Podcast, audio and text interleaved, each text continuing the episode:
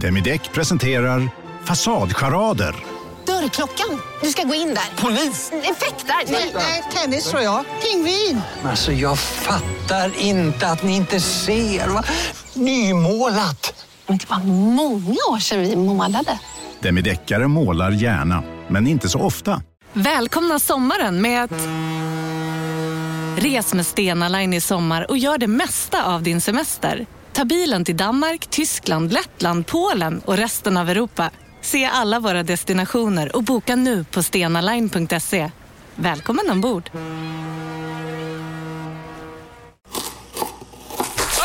Dåliga vibrationer är att skära av sig tummen i köket.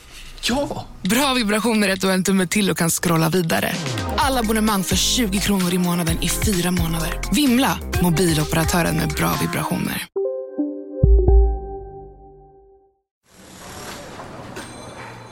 Det är september 2016. Utanför stans billigaste däckverkstad har kön av bilar ringlat lång hela dagen.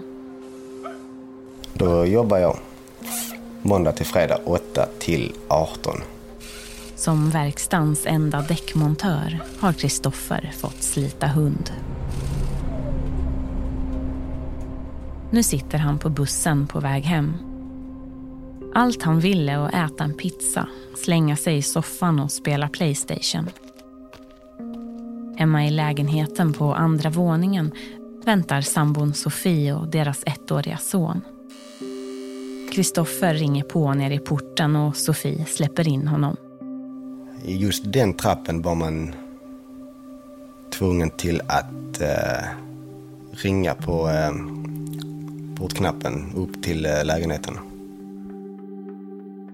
Han släpar sig upp för trapporna och låser upp dörren till sin lägenhet. Där i hallen står Sofie. Hon är upprörd. Och när man kom hem från jobb så såg man att hon hade gråtit på mascaran och allt sånt hade runnit. Den svarta eyelinern har ritat spår över hennes kinder. Hon håller något i handen.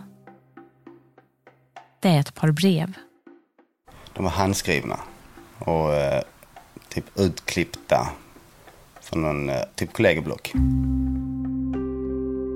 Kristoffer tittar på kuvertet. Inte nu igen, tänker han. Hur länge ska den här skiten pågå? Det är inte första gången han står där vid dörren med en sambo i upplösningstillstånd och en bunt handskrivna brev i handen. Återigen är det ett kuvert utan frimärken.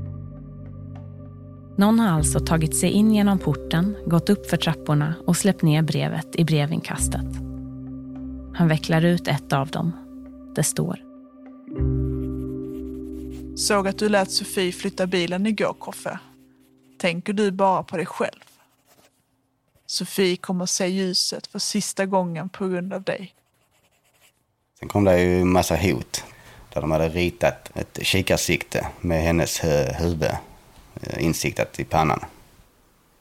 Där började jag mena på att nu går det över gränsen.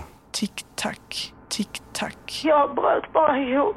Jag bara grät och Vet du hur mycket en hammare kan göra med Sofies vackra ansikte? det är det värsta jag har varit med om i hela mitt liv. Du lyssnar på En mörk historia om stringtrosehoten av mig, Josefin Patzauer. Det här är den första av tre delar. Del 1. Vita nejlikan. Den här historien börjar två år tidigare, under försommaren 2014. Det är en sån här riktigt skön kväll. Det ligger en doft av förväntan och syren i luften. Om bara någon vecka ska Kristoffer fylla 30. Än har han aldrig träffat Sofie. Jag jobbar som eh, lärling på en tatueringsstudio. Hade inga barn. Och ja, mådde väl något sånär bra i mig själv. Sofie bar på drömmar om framtiden. Ja. Det var väl familj, hitta en bra man. Stabilisera mig, jag har alltid drömt om att ha familj så att barn var ju en sak jag drömde om. Den här kvällen har både Sofie och Kristoffer bestämt sig för att gå till kvarterspuben för att ta en öl. Han med en kompis och hon med ett gäng vänner. Det är vid baren de möts. Ja, faktiskt. För det var jag och en eh, barndomskompis som eh, skulle beställa. Vi kunde inte hitta vad vi skulle beställa. Så, och så stod hon i kön bakom oss och menade på att nu får ni skynda för vi är andra som vill dricka. Och då skojade vi bara till det lite. Sofie och Kristoffer bollar skämt mellan varann. Och så hittar de ett gemensamt intresse. Jag kommer ihåg att vi snackade mycket om eh, just tatueringar. Jag ville ha en ny tatuering. Jag såg att hon hade mycket tatueringar och jobbade då på en, en studio. Och eh, så fick vi kontakt där. Vad var det som vad var det du gillade med henne liksom? Det minns jag inte riktigt. Det var väl kroppen jag gick efter mest där. Hon var snygg. Ja. Och Sofie har fått syn på något hos Kristoffer som hon uppskattar. Just då tänkte jag att han verkar inte vara en bad boy, så att säga. Jag hade haft otur med killar tidigare. Så att eh, jag tycker han verkar vara, vara en snäll, lite lugnare kille.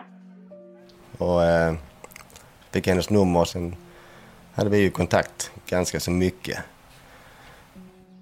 En kort tid senare sitter Sofie på muren utanför Kristoffers hus. Hon väntar på honom. Allt Sofie har med sig är kläderna på kroppen.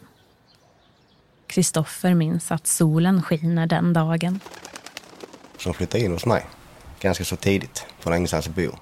Ja, sen flyttade vi ihop. De skapar en vardag ihop.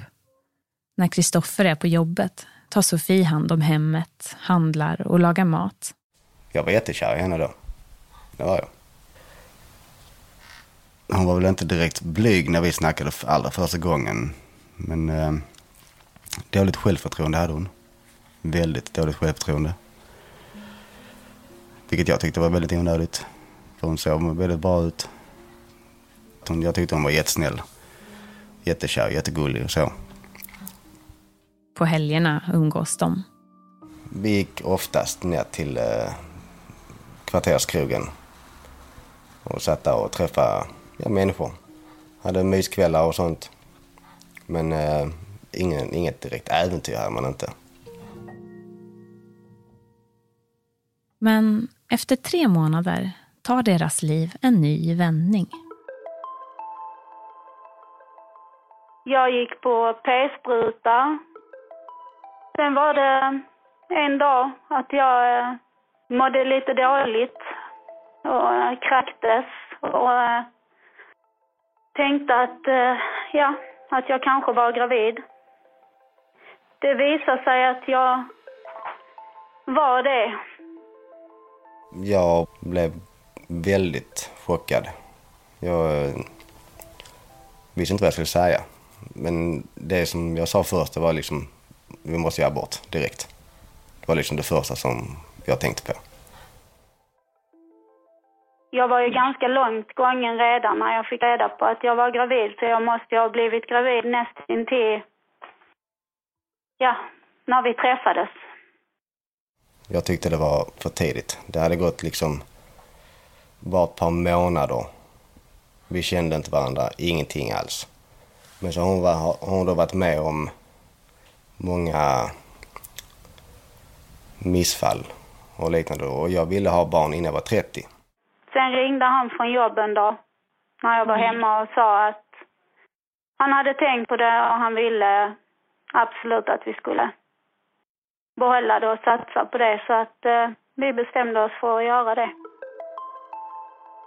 Jag ändrade mig. Jag ville behålla det till slut. Sofie är lättad. De ska behålla barnet. Det verkar som att Sofies dröm om familj kommer att gå i uppfyllelse. Ja, det var ju min förhoppning. Alltså att vi skulle få barn och att det skulle gå bra. Och... Sju månader senare föds en liten pojke vars namn vi lämnar utanför den här historien. Allt går sin gilla gång. Sofie är mammaledig med sonen medan Kristoffer går tillbaka till jobbet. Vardagen flyter på. Men det finns något som har börjat skava. Innan han kom, då kom det ju ett par brev innan dess. ju. Där det stod lite om eh, eh att jag inte visade riktig kärlek till henne och när hon väl födde vårt barn så eh, skulle jag lämna henne. Så redan då kom eh, dessa brev. Breven. De slängs in genom postfacket och dimper ner på hallgolvet. De tejpas på dörren.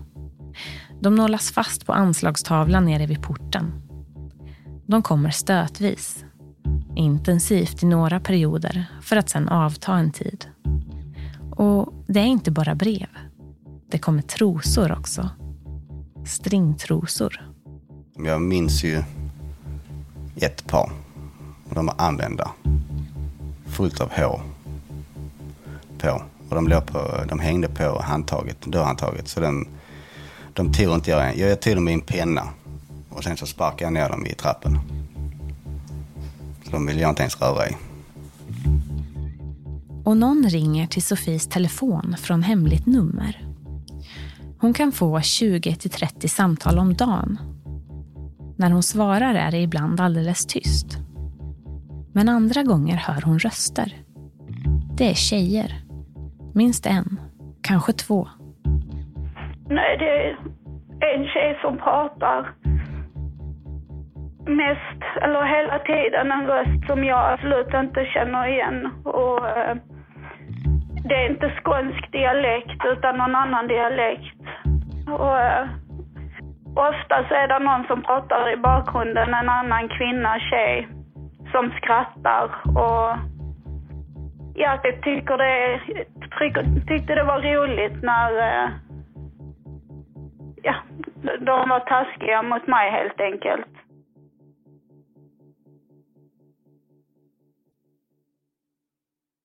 För det mesta ringer det när Kristoffer är på jobbet. Men en mörk höstkväll i november är de båda på fest hemma hos Kristoffer. Om en så vidde på väg till dig för att du råkar ljuga från kollega om att du också hade en och innan du visste ordet av du hem kollegan på middag och... Då finns det flera smarta sätt att beställa hem din sous på. Som till våra paketboxar till exempel. Hälsningar Postnord. Bara på Storytel. En natt i maj 1973 blir en kvinna brutalt mördad på en mörk gångväg.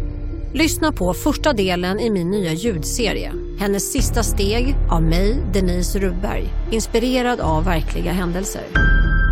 Bara på Storytel. Det där var för att uppmärksamma er på att McDonalds nu ger fina deals i sin app till alla som slänger sin takeaway förpackning på rätt ställe. Även om skräpet kommer från andra snabbmatsrestauranger som exempelvis Ma... Eller till exempel Burger...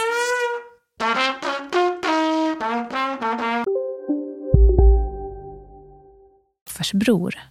De firar halloween. Då ringde jag två gånger till eh, Sofie. Varav första gången svarade min brors fru. Det var det ingen som var i telefonen. Och sen andra gången svarade Sofie. Men då var det heller ingen i telefonen. Så jag har aldrig hört vad, vad de har snackat om eller hur personen har låtit i rösten, vilken dialekt eller något sånt alls. Så jag, jag var in, visst, till slut var man ju jättenyfiken på att veta vem, vem som är så blåst i huvudet. På festen pratar de om hur man kan ta reda på vem som ringer från ett dolt nummer. Det fanns väl någon eh, grej från Telenor där man kunde få reda på vem som ringer från hemligt nummer i, om det var i två veckor. Men så kostade det ganska mycket. Och eh, så sa jag till honom, vi provar. Men eh, då menar, menar Sofie på att, men tänk så ringer de inte under de här två veckorna. Nej, då, då får vi strunta i det. Antingen så fixar vi det eller så struntar vi i det. Och vi struntade i det. Och förföljelserna fortsätter. En dag står en bukett vita nejlikor lutade mot lägenhetsdörren. I buketten finns ett vykort med texten. Vit nejlika är dödens blomma och det är vad som väntar ert förhållande. Det dör, sakta men säkert. Se fram emot och roas av att se ert förhållande dö. Visste att du aldrig skulle glömma bort mig, Koffe. Sorry Sofie, jag vinner och det finns inget du kan göra. Jag ville ju inte tro att det var så. Att han inte älskar mig och att han var med mig enbart för att jag var gravid. Och sen ju mer det fortsatte så blev det ju jobbigt mellan mig och honom för att det störde ju vår vardag. Så Mm. mina tankar gick ju att det kanske var någon som var ute efter att förstöra men så förstod jag liksom inte vem det skulle kunna vara. Så Sofie vänder sig till Kristoffer. Ja, jag valde ju att fråga honom liksom, alltså detta är konstigt, är du säker på att det inte finns någon som du vet eller så? Och han sa nej. Vi bråkar ju ganska så mycket när de här breven kom. Jag sa till henne att skit i dem. Bara kasta dem åt sidan. Släng dem i soporna, bränn dem, gör vad du vill. Bara strunta i det. Nej, alltså jag, jag förstod ju tanken bakom det för det var ju extremt jobbigt.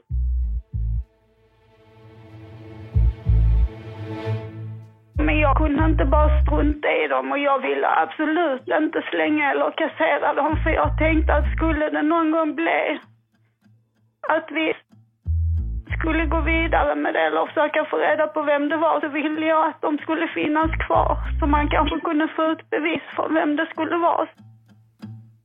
Till slut bestämmer de sig för att göra en anmälan. Sofie tar med sig brevskörden och går till polisen. Och eh, vi hade nästan en hel ICA-påse full av eh, sådana här brev. Som eh, hon lämnade till polisen. Polisen tar emot breven och upprättar en anmälan. Men eftersom det inte finns någon misstänkt beslutar handhavande polis rätt snabbt att inte inleda någon förundersökning. Det är inte Marie Berntsson som tar emot anmälan, men det är hon som senare kommer att få ansvar för utredningen. Innan jag fick det på mitt bord, ärendet, eller att jag blev tilldelade, ehm, så var det ju på en annan avdelning eh, där de har eh, som uppgift att leta fram misstänkta. Man kanske inte har ett namn, men man har kanske någon adress eller eh, något signalement och då har de som uppgift att leta upp någon som kan vara misstänkt i detta. Men varken Sofie eller Kristoffer har någon misstänkt. Däremot har Sofies misstankar mot Kristoffer blivit starkare. Hon tror att han döljer något. Ja, hon hade ju sina aningar eftersom jag la ju alltid min telefon. Antingen la den upp och ner eller så bara slängde jag den i soffan och, eller så la jag den under soffbordet. Och, så hon ansåg att jag gömde min telefon. Och det... Jag tyckte inte att jag gjorde det. det jag råkade, jag kommer ihåg en gång att jag råkade kasta den för jag satt och spelade. Och då kastade jag den så den hamnade liksom under en kudde. Och det reagerade hon ju på direkt. Och då menar jag på att det var inte meningen att den skulle hamna under kudden. Den, jag bara slängde den i soffan. Så det, det vet jag om att det, det minns att det reagerade hon på väldigt starkt. Samtidigt börjar brevskrivaren hävda att Kristoffer är otrogen. Eh, det var eh, ett brev som kom, kom jag på nu. Att eh, där stod någonting om att jag hade haft någon kontakt med någon. Hej Koffe. Kommer du verkligen inte ihåg hur ofta du skrev till mig och vad? Du skickade ju väldigt många bilder till mig. Mest från toa på jobb. Men även från badrummet hemma. Du skrev oftast att du var skitkåt. Att du ville ha sex med mig. Du bad om bild på mig. Erkänn Koffe. Jag slutar så fort du gör det. Det kom ett brev med väldigt eh, mycket detaljer i. Då hade ju detta här hållit på ett väldigt bra tag. Och när jag hade läst det så bad jag han läsa det. Och eh, då sa han att Det finns bara en person som kan veta det som står här i. Och då eh, kände jag att då var det lika bra att berätta. Och då berättade han att där fanns en annan tjej som han hade haft. Jag har skickat nakenbilder till och haft en, ja, vad man nu ska säga, skrivit fantasier. Sexuella fantasier med och sånt över telefon. Kristoffer erkänner till slut. Det finns en person som han har haft något med. Ja, jag snackade med, med en tjej. Vi snackade ju mycket intima saker. Det minns jag inte exakt, men det var väl typ att vi skulle träffas och ha sex. Men eh, det blev aldrig av så.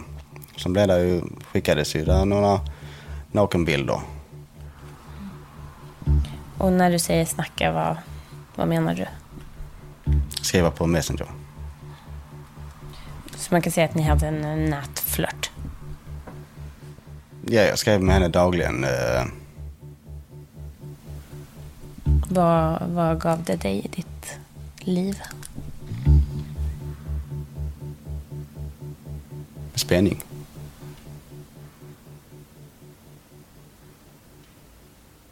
Men eh, det berättade jag för Sofie. Och då var hon ju såklart jätteledsen. Och det, det förstår jag att man blir, om man får reda på en sån sak. Men jag ansåg aldrig att jag var otrogen på det sättet. Men det, det, det tyckte hon. Hon tyckte jag var jätteotrogen. Och då hade breven kommit i cirka ett och ett halvt års tid. När jag fick reda på detta här. Och ert barn var fött då? Ja, det var han var, ja vad kan han ha varit? Sju, åtta månader. Så du är ganska nybliven mamma? Ja. Hur tar du det?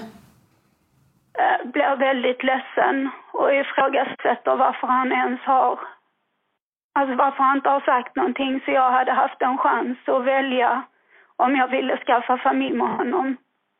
Sen så jag säger till honom att jag måste därifrån ett litet tag för jag måste få andas lite och tänka lite för att jag blev, som jag tror vilken kvinna som helst hade blivit ledsen och sårad. Som jag kommer ihåg det så tror jag jag åkte hem till min mamma och pappa eller min mormor och morfar, jag kommer inte riktigt ihåg. Och ehm, sen satt jag och tänkte själv på, alltså på min son att det här med kärnfamilj och stabilitet och hur viktigt det är. Så jag var ju dum nog att komma tillbaka. Och hon, eh, ja vad ska man säga, hon, hon förlät väl aldrig det egentligen men hon valde att leva med det. Typ. Eh, men då sa jag ändå till henne att jag älskar det och jag vill- det är där jag vill vara med. Jag vill inte vara med någon annan. Det blev väl aldrig riktigt bra efter det. Så, Eh, nej, det var väl inte bra. Men nu när Kristoffer har erkänt sin nätflört för Sofie så vet de båda att det finns någon som är intresserad av Kristoffer. Kanske så pass intresserad att hon vill förstöra mellan dem. Nu har de ett namn på en person som kan ha anledning att skicka brev och trosor. Eh, Frida heter hon. Kristoffers nätflört Frida är också lilla syster till Kristoffers barndomsvän. Frida var ju typ en granne till mig när jag var mindre, eller yngre. Var väldigt eh, bra vän med hennes bror. Vi lekte varje dag nästan. Så det är på det viset jag känner, och kände Frida. Nu tänker de att det kan vara Frida som är den anonyme brevskrivaren. Ja, just då, hade jag ju, då kände jag att det måste vara hon som har eh, skrivit breven.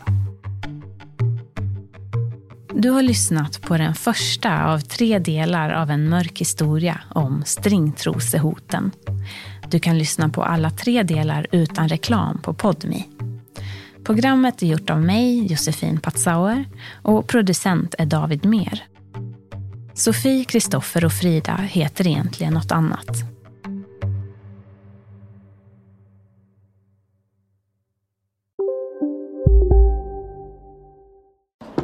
Kolla menyn. Vadå? Kan det stämma? 12 köttbullar med mos för 32 spänn. Mm. Otroligt! Då får det bli efterrätt också. Lätt! Onsdagar är happy days på IKEA.